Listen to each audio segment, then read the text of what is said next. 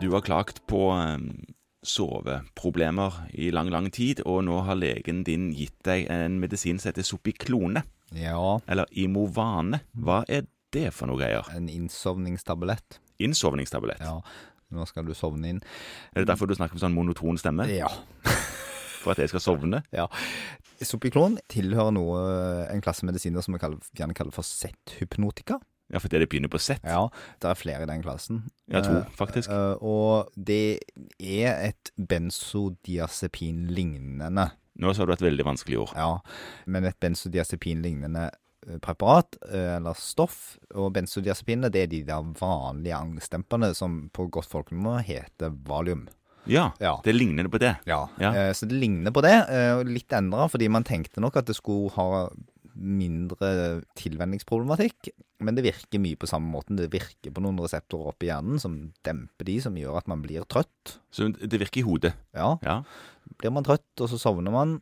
Det har en raskt innsettende effekt, så man bør ta det sånn på, mens man Eh, På vei til sengen? Ja, sengen. eller i sengen. Ja. Og så er halveringstiden relativt kort.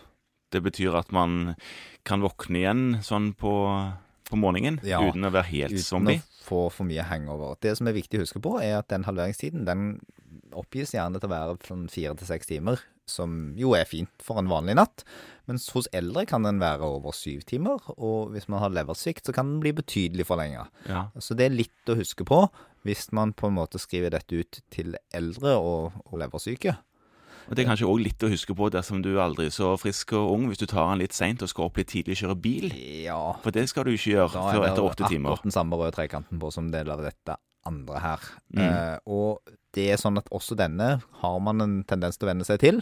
Og det skjer at disse reseptorene oppi hodet omreguleres, sånn at man på en måte blir nødt til å ha et visst grad av stimulering på de med en sånn medisin for i det hele tatt å sovne.